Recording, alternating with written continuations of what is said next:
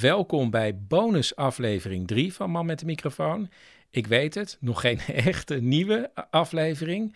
Ehm, het heeft allemaal heel veel voeten in de aarde, zo'n uh, podcast runnen. Maar er komt echt uh, binnenkort het hoorspel aan, dat gaan we opnemen. En dat wordt vanaf 23 tot en met 27 december online gezet. Dus dat krijg je sowieso uh, te goed. En ik ben echt bezig. En in januari begin ik met mijn nieuwe reeks. En het goede nieuws is ook dat ik voor niet voor dit seizoen, maar voor komend seizoen een, uh, een sponsor heb. Daarover allemaal later meer. Nu even iets over deze bonusaflevering. Um, en ook wel aardig om uh, te vermelden. Komt zo. Ja, want het volgende is.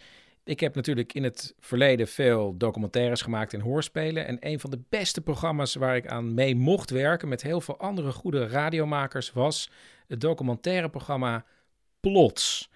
Uh, waarin elke keer ook een thema werd gekozen waar we verhalen bij zochten. En dat programma heb ik ook een tijd mede gepresenteerd met Jair Stijn. En zometeen gaan jullie een verhaal horen wat me nog steeds bijgebleven is. Uh, en dat kwam uit de aflevering die getiteld was Weldoeners. En ik had daarvoor een brief meegenomen en naar de studio. En volgens mij gaan we erin. Ja, we gaan erin op het moment dat ik die brief aan Jair laat zien. Nou, veel plezier met luisteren. Dit is Plots met wonderlijke ware verhalen over weldoeners. En nu komt het moment, ja hier, heb ik opgewacht. Nu mag je hem zien. De brief. Dit is de laatste brief. Ja, die heb je wanneer gekregen? Uh, anderhalve week geleden. Het is een waanzinnig ding. Hij is namelijk helemaal verfrommeld. Ik moet even uitleggen. Je hebt verschillende brieven gekregen. We hebben het erover gehad de afgelopen half jaar. Geschreven in een minutieus handschrift. Ja. En hier bijvoorbeeld staat in de bovenhoek... betreffende twee helpende linkerhanden. Ja, en het zijn de enige grote letters, want de rest is echt klein. En zie je het nu ook? En van, van wie zijn ze? Ze zijn van een man die ik niet ken en die ik zelfs nog nooit heb gezien. Maar het zijn wel de meest bijzondere brieven die ik ooit heb gekregen. Volgens mij moet ik eerst even vertellen hoe ik met deze man in contact kwam. Acte 2, de fiets. Ik was een hele tijd de vaste boekenrecensent van het radioprogramma Kunststof. En er was één avond dat er iets bijzonders gebeurde. Um, toen was Sanne Wallis de Vries te gast. En we hadden het over uh, fietsen in Amsterdam. En toen vertelde ik iets wat mij die vorige avond was overkomen. Ja, ik was gisteren trouwens, was ik ook afwezig. En toen ben ik heel hard tegen iemand aangereden met mijn fiets. Maar was echt, diegene ook op de fiets? Die was ook op de fiets. En gelukkig had hij een zo verwoestend sterke fiets dat mijn fiets lag echt helemaal in puin. het was ook mijn fiets. Maar ik was in een soort mini-shock. Was ook wel leuk om mee te maken. Als ik drie dagen later thuis kom, dan ligt er een wit envelopje op mijn deurmat.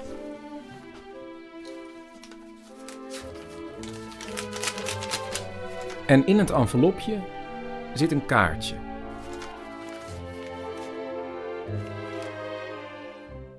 Waarde heer Baayema, tot u schrijft een totale onbekende die uw radiowerk met waardering volgt.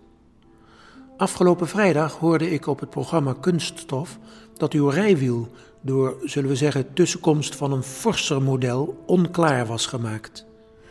Ik bied u een werkend, ik kan niet zeggen nieuw, rijwiel. De sleutel is bijgesloten. Ik doe dit beknopt uitgedrukt, omdat ik een gek ben die niets om zichzelf geeft.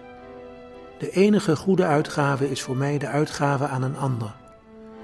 Ik kan alleen hopen u er niet mee te storen of bezwaren. Ik pak de sleuteltjes uit het envelopje. Ik ga naar buiten. En daar staat hij. Mijn fiets. U en uw gezin het mooist mogelijke toewensend verblijf ik met herfstige groeten.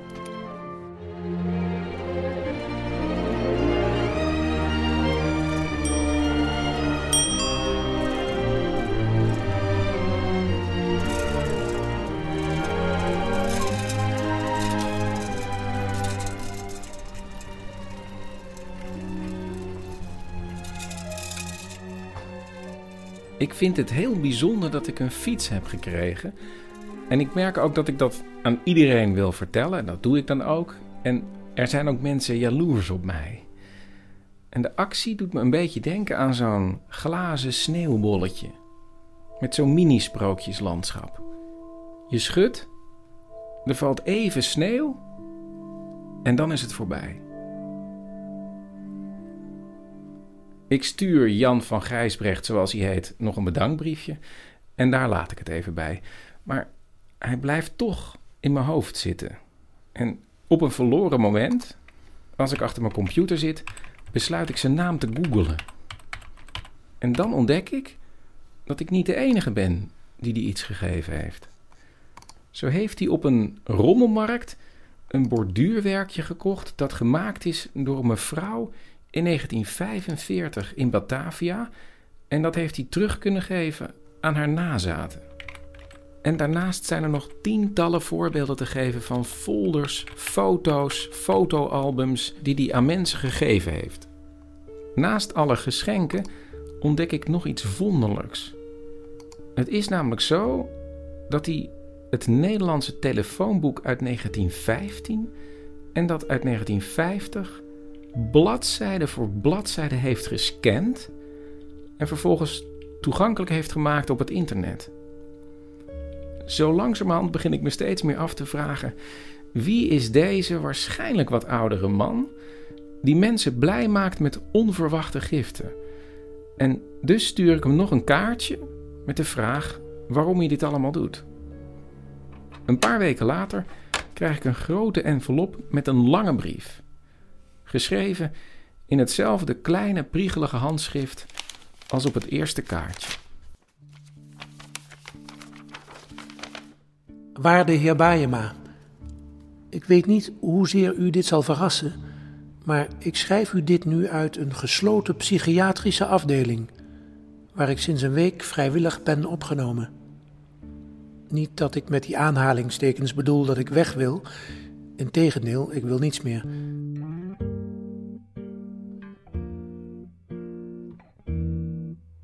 Het zou u vergeven zijn te denken naar aanleiding van al mijn geschenkactiviteiten, dat ik goed was. Maar ik vrees dat ik in werkelijkheid een arrogante egoïst ben, die van nature hoogst onaangenaam is en een voortdurend toneelstuk opvoer om als zodanig niet herkend te worden. Maar wat schuilt er voor slechts in het geven van een fiets? Zou u kunnen vragen. Wel, omdat ik van tevoren natuurlijk goed weet wat voor effect zo'n actie op in dit geval u zal hebben. Dus het wordt een soort manipulatie die weinig met u, de ontvanger, meer te maken heeft.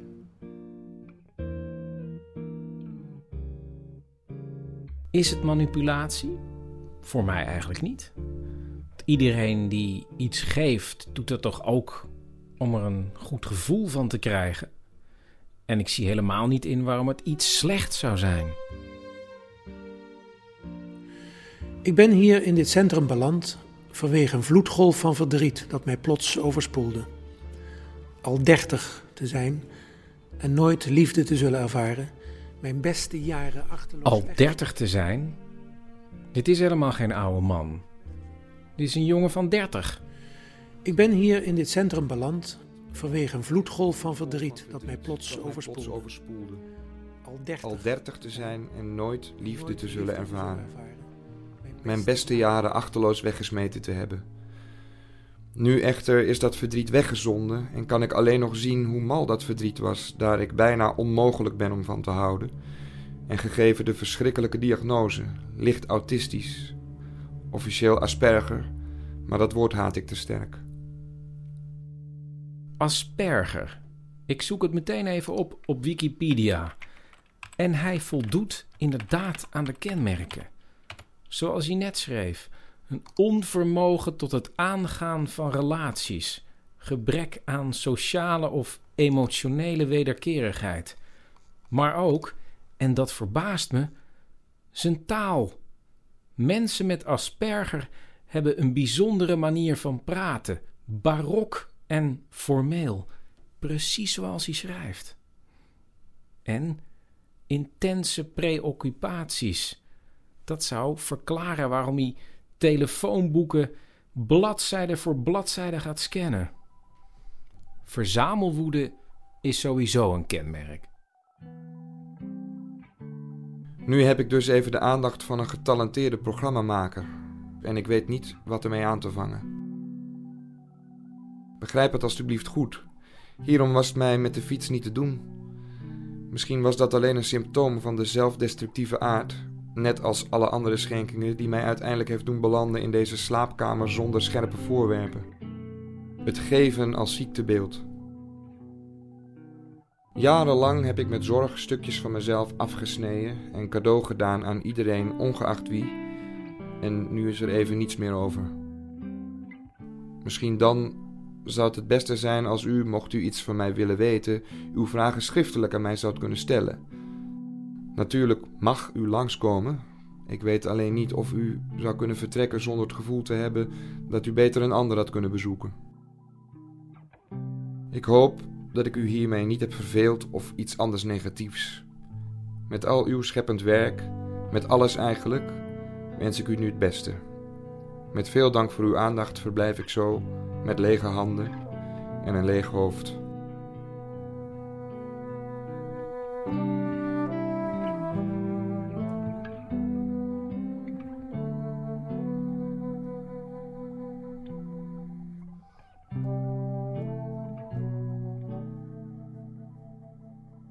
Ik heb nog geprobeerd contact te zoeken met Jan via mails en sms'en, maar maandenlang niks gehoord.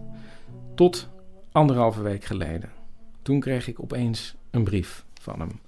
En die brief is geschreven in de gevangenis van Scheveningen.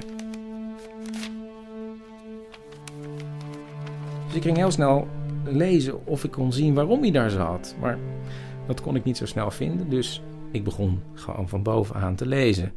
En dan vertelt hij weer over allerlei bijzondere dingen die hij geschonken heeft aan mensen. Hij heeft op een rommelmarkt een Russisch fotoalbum gevonden. En dat heeft hij aan het Nabokov Museum in Sint-Petersburg gegeven. En hij woont in de buurt van het Joegoslavië-tribunaal. En daar vindt hij in de prullenbakken daar getuigenverslagen die gewoon geheim zijn. Dus die geeft hij ook weer netjes terug. En dan, uh, dan krijgt hij een bedankkaartje van de hoofdaanklaagster Carla Del Ponte. Maar dat is eigenlijk een beetje een uitzondering. Want het blijkt uit die brief dat hij steeds verbitterder raakt. Mensen reageren eigenlijk niet goed, vindt hij, op zijn vrijgevigheid.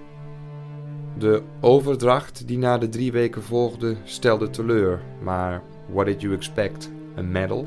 En in een ander geval is hij ronduit geïrriteerd. Zij verwaardigde zich nooit tot een antwoord. Het geval vrat zo aan mij dat ik uiteindelijk een aanzicht met nederig gestelde verwijten verstuurde. Ook daarop geen respons. Men had mij afgeschreven als gek. En wellicht was ik dat ook. Vlak voor het einde van de brief lijkt hij een soort balans op te maken van het jarenlange geven.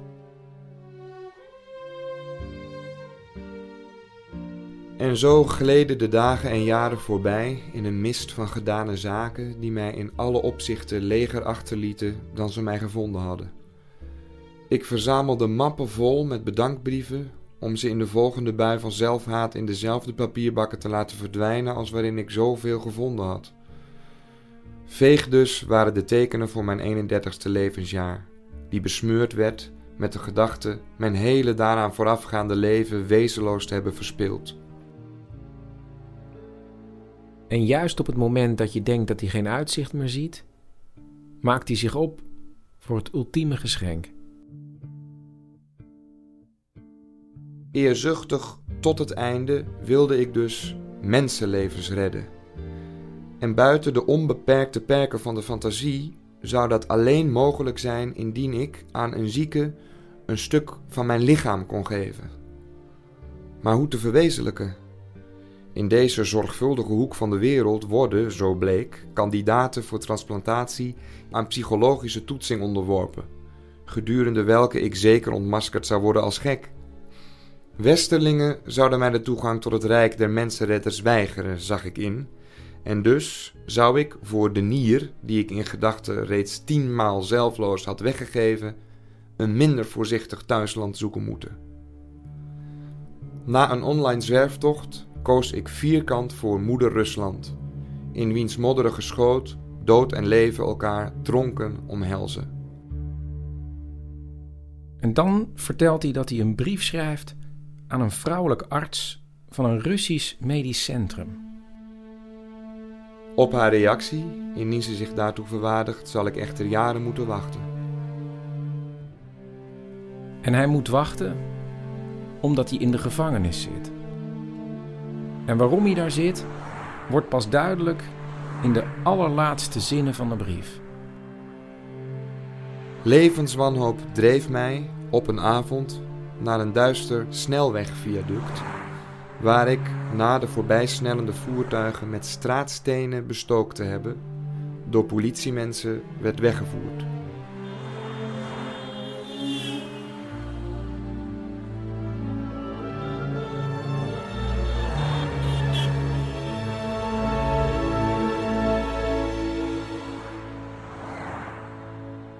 Tijd van geven was voorbij.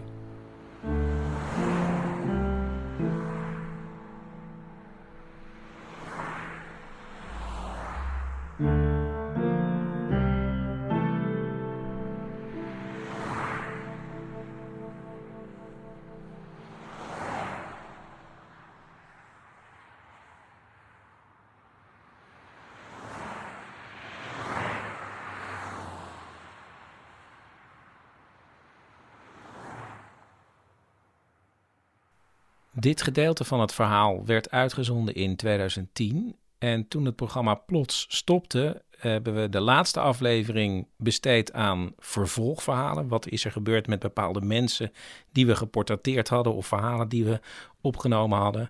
En één daarvan was het verhaal rondom Jan, want dat was nog niet afgelopen. Uh, dus dit is uh, deel 2 uit uh, aflevering 34 van Plots.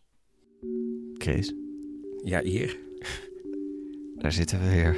Ik heb een beetje een déjà vu. Ja, we zitten weer met z'n tweeën. En we gaan ook terug naar een verhaal waar we het ook al eerder over hebben gehad. Een verhaal van drie jaar geleden, denk ik. Ja, het was onze derde aflevering, Weldoeners, 2010. Ja, dat begon ermee dat ik een keer op de radio verteld had dat mijn fiets totaal los was gereden. En een paar dagen later vond ik een briefje in mijn bus, geschreven door ene Jan. En die schreef dat hij mij een vervangend rijwiel aanbood. Kreeg sleuteltjes en er stond voor mijn huis een nieuwe fiets. Toen jij hem uh, leerde kennen, was het een soort sprookjesfiguur in eerste instantie. Ja, ja, ja. Je ging met hem schrijven. En toen bleek al gauw dat hij een syndroom van Asperger had, vorm van autisme. En dat hij de vreemdste dingen deed. Hij leek een soort, ja, had een voorliefde voor objecten die voorgoed kwijtgeraakt leken te zijn. Die spoorde hij dan op en probeerde ze weer terug te geven aan de oorspronkelijke eigenaar. Ja, en hij schreef ook dat hij niet echt contact kon krijgen met de mensen. En soms waren de ontvangers wat hem betreft ook niet dankbaar genoeg. Ja, hij raakte eigenlijk steeds meer in de war. En op een gegeven moment kreeg je een brief van hem vanuit de psychiatrische inrichting. Jarenlang heb ik met zorg stukjes van mezelf afgesneden en cadeau gedaan aan iedereen, ongeacht wie. En nu is er even niets meer over. En vlak voor de uitzending, weet ik nog. Ja, kreeg ik een allerlaatste brief van hem uit de gevangenis. Levenswanhoop dreef mij op een avond naar een duister snelwegviaduct, waar ik, na de voorbijsnellende voertuigen met straatstenen bestookt te hebben, door politiemensen werd weggevoerd. De tijd van geven was voorbij. Dit is eigenlijk waar we toen gebleven waren. Later volgde er een rechtszaak. Hester Heijten volgt de zaak. Hester, is al bekend waarom die man dat deed? Ja, nou ja, als je hem uh, de rechtszaal in zag lopen vandaag, dan uh, weet je het eigenlijk ook al wel. Want het gaat om een zwaar depressieve man, die ook nog eens autistisch is en een uh, eetstoornis heeft. Hij heeft een tijd lang alleen maar appels gegeten. Dus hij ziet eruit als een hele ongelukkige en breekbare jonge man. Ja, ik heb na die rechtszaak nog geprobeerd contact met Jan te krijgen, maar ik heb niets meer gehoord. Hm. Um, totdat ik vorig jaar in de zomer een bericht kreeg van zijn vader, een e-mail. En die lees ik even voor. Een treurige mededeling. Aan het eenzame leven van onze lieve zoon en broer is door eigen verkiezing op 32-jarige leeftijd een einde gekomen. Eindelijk vrij. Ja, Vreselijk. En je besloot uiteindelijk om een vervolg te maken op het verhaal. Ja, want het bleef zo in mijn hoofd zitten dat ik toen dacht, ja, maar ik zou zo graag willen weten of er mensen zijn die hem beter hebben gekend, die hem Mhm. beter begrijpen. Of... Ja, want jij hebt hem nooit ontmoet, toch? Je hebt alleen maar met hem Nee, gecorrespondeerd. Alleen maar met hem gecorrespondeerd. En ik was zo, ja, hoe is het zo ver gekomen? Dit is Plots, met wonderlijke ware verhalen rond één thema. Thema vandaag, Chris? Het vervolg. Voor onze laatste uitzending gaan we terug naar bijzondere mensen die we eerder portretteerden in Plots, mensen wiens levens sinds de uitzending enorm zijn veranderd. Blijf luisteren.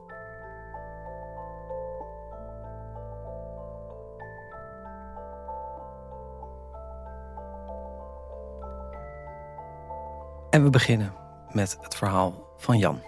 Acte 1, de niet-machine en andere geschenken. Een verhaal gemaakt door Chris Baema.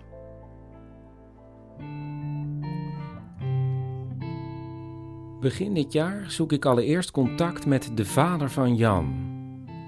Ik blijk niet de enige te zijn, schrijft hij in een e-mail. Dag meneer Baayema. Ja, wat zal ik u zeggen? Aan de ene kant is het prettig berichten uit de landen te ontvangen van lieden die Jan heeft geholpen. Aan de andere kant vervult mij dit met nostalgie.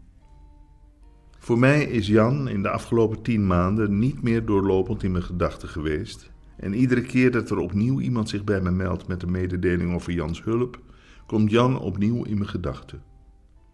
Plezieriger zou ik het vinden dat ik niet meer redelijk doorlopend met vragen over Jan word geconfronteerd. Voor mij is deze ongelukkige affaire afgesloten. Ik ben absoluut niet voornemens om voor een microfoon een interview te laten afnemen over het een en ander wat Jan betreft. De vader geeft me overigens wel toestemming om uit zijn mails te citeren.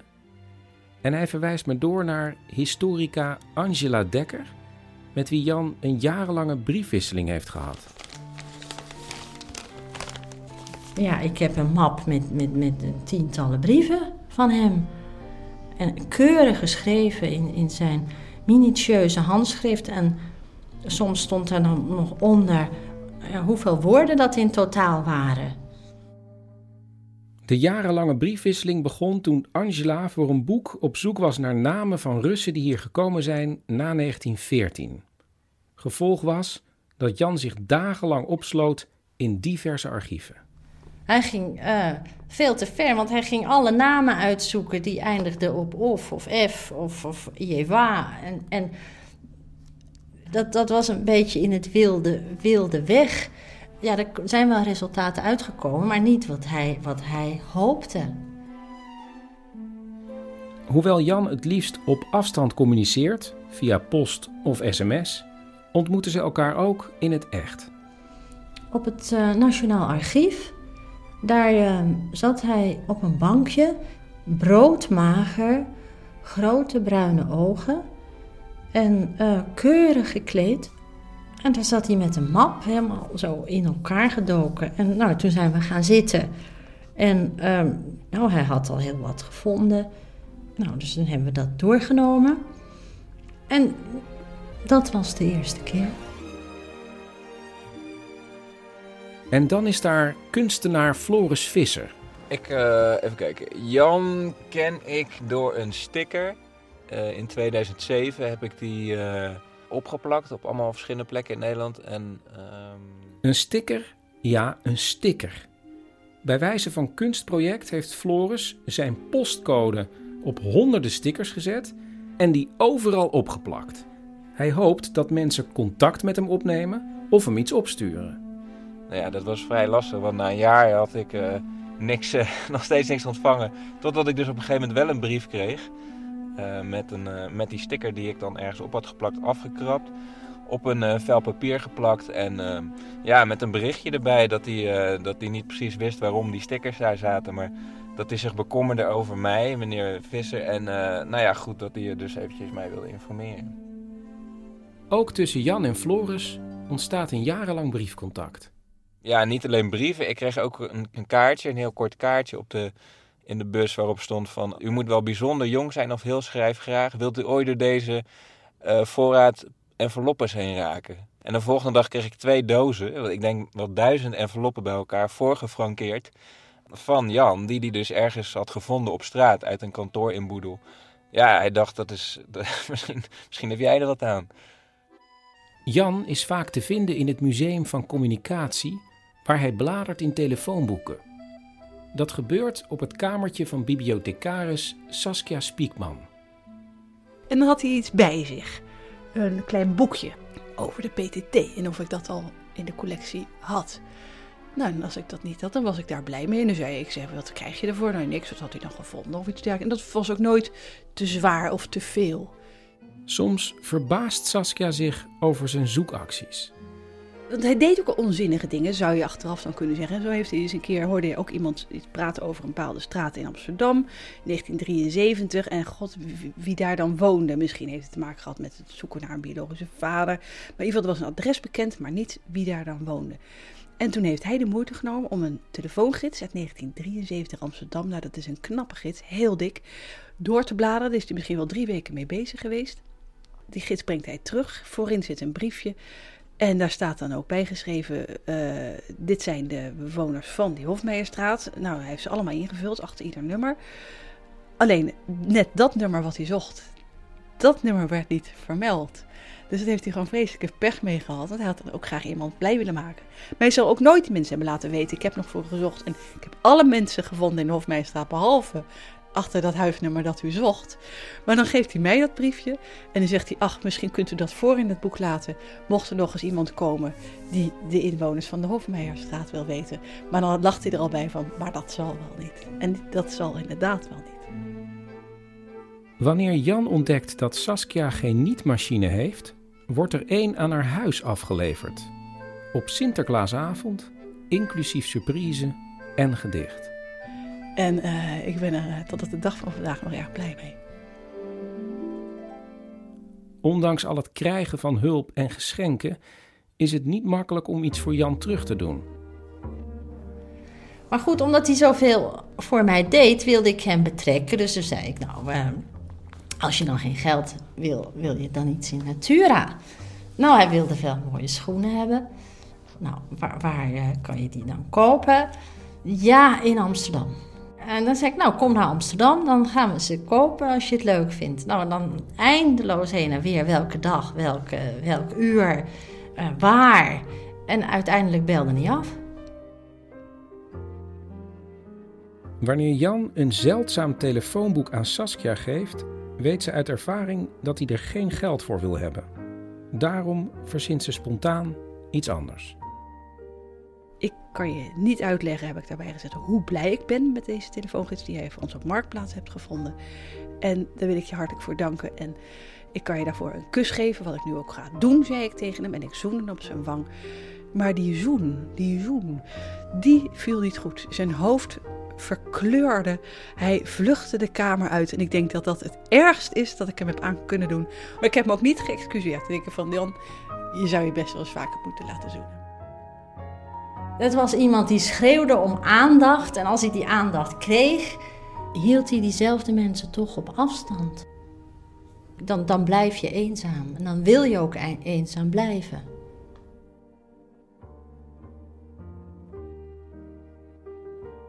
Toen met kerst was daar opeens een kaartje in de bus.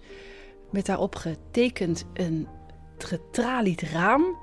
Met een hand daaruit maar dan was, stond erbij zo vanuit de gevangenis. En dat was zo bizar dat ik het ook gewoon niet kon geloven. Jan in de gevangenis, dat kan toch helemaal niet waar zijn?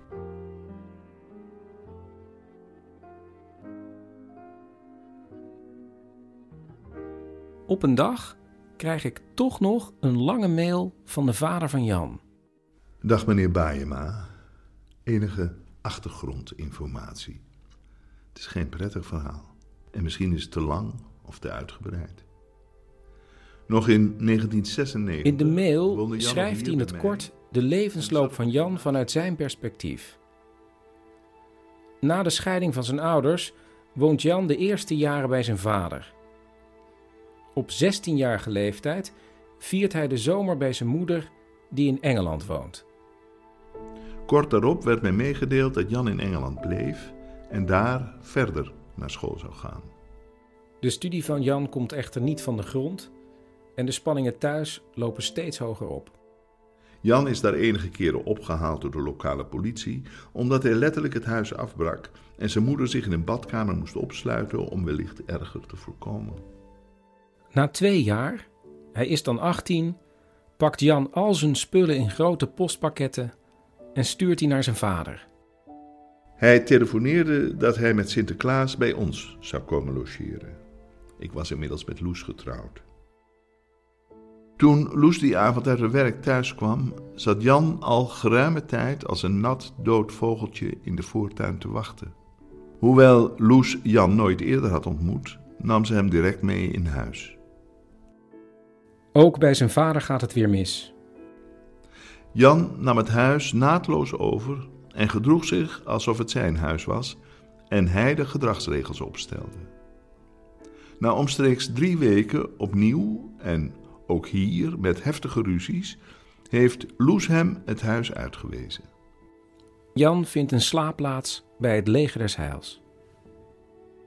Sinds dat hij daar woonde, hebben wij Jan spaarzaam of in het geheel niet gezien. Kwam zo nu en dan eens kort op bezoek als hij iets op de computer wilde opzoeken. Hij was dan stil, vriendelijk, afstandelijk, maar altijd welkom. Hij zag er meestal heel bleekjes en extreem mager uit. Droeg zomer en winter een winterjas en schone, maar zeer versleten kleding. Door ons aangeboden hulp om nieuwe kleding aan te schaffen, werd boos afgewezen. In de jaren daarna raakt Jan steeds meer in de war. Een binnenkomend telefoontje van hulpverlener Parnassia. Of ik Jan wilde komen halen in de stad en hem bij de spoedopname van die psychiatrische inrichting wilde afleveren. Jan was duidelijk in de war, kon alleen maar huilen. Jan gaat in en uit de inrichting, kent zware periodes, maar woont uiteindelijk weer op zichzelf in de stad. En dan op een dag belt zijn bovenbuurvrouw met de vader van Jan. Ze heeft hem al een week niet gezien. Hij is spoorloos.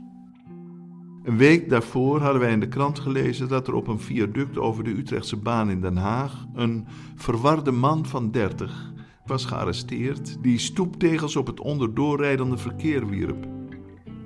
En wij dachten, dat kan onze Jan toch niet zijn? Zoiets doet hij toch niet? Of wel? Ja, dus wel. Jan krijgt een gevangenisstraf en wordt overgebracht naar een TBS-kliniek in Almere. Nou, daar moest je je geen soort van ziekenhuis bij voorstellen hoor. Gewoon een gevangenis met alles wat erbij komt: deuren op slot, monitor in de cellen. Ook daar gaat het weer mis. Hij maakt spullen kapot, verwondt zichzelf en valt andere gevangenen aan. Dan werd hij weer opgevangen door de staf en in isolatie platgespoten. Tot het resultaat dat hij zich gedurende een vrijdagnacht aan zijn eigen beddengoed ophing.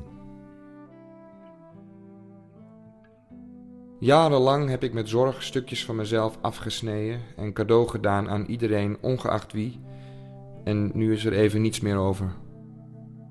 Met veel dank voor uw aandacht verblijf ik zo, met lege handen en een leeg hoofd. De familie denkt dat op de crematie van Jan een paar mensen zullen verschijnen. Misschien wat naaste familie en buren. Maar dan, op de dag zelf, verschijnen als vanuit het niets tientallen voor de familie onbekende mensen. Die allemaal door Jan blij gemaakt zijn met brieven en geschenken.